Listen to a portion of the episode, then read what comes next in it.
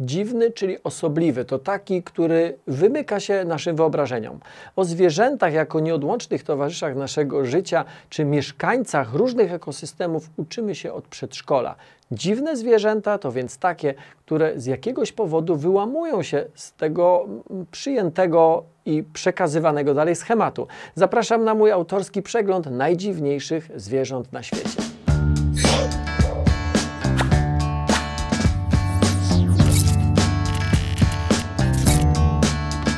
Na początku spójrzcie na kraba pacyficznego. E, szczególnie stary gatunek, niekiedy nazywany żywą skamieniałością. To, co stanowi o jego wyjątkowości, to jego rozmiar. Rozpiętość odnóży sięga nawet do 3 metrów, co przy masie 20 kg czyni go największym stawonogiem na świecie.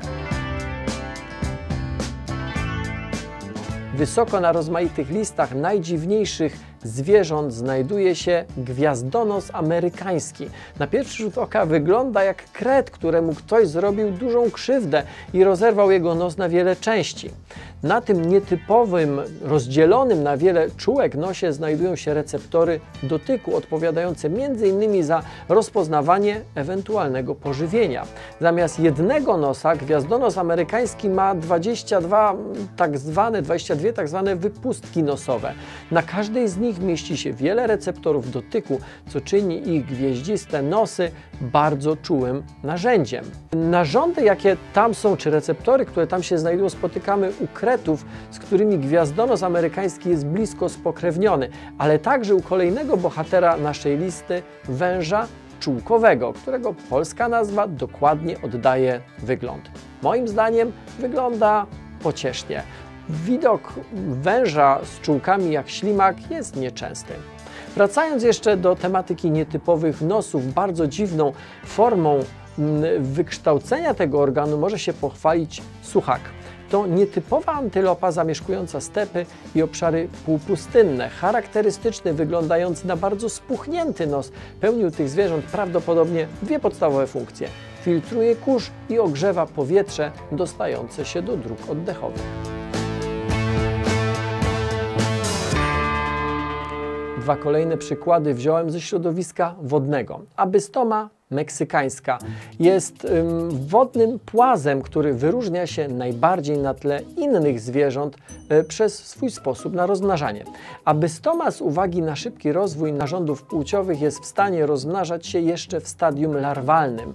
Tę wodną postać larwalną określa się mianem aksolota i pod tą postacią abystoma wygląda jak wyjęta prosto z kreskówki. Zwierzę to pierwotnie zamieszkujące jeziora w Meksyku możemy mm, kupić do naszego akwarium.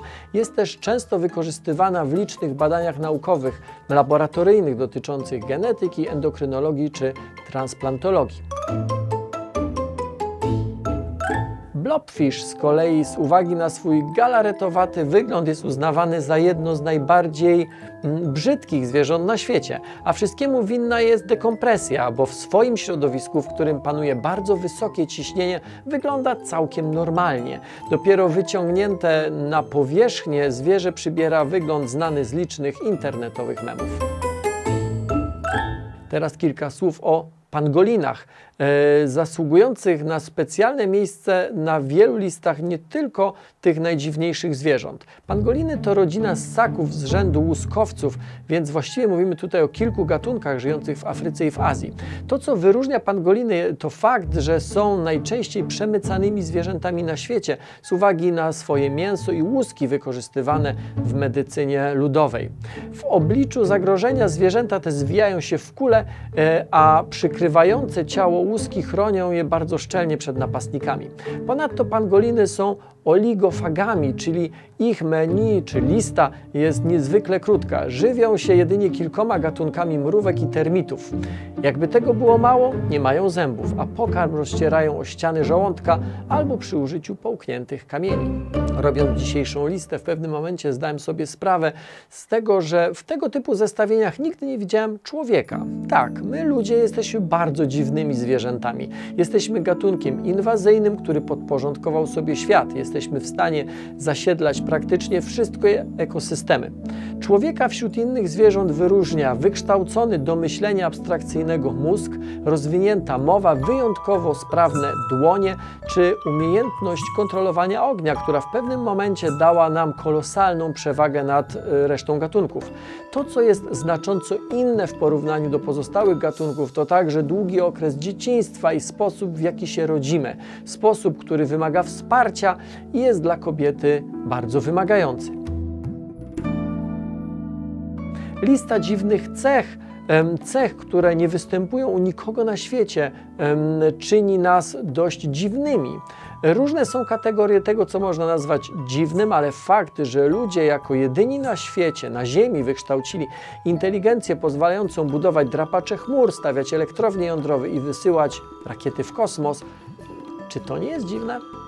Nauka to lubię od 10 lat, nie tylko na Facebooku i YouTube.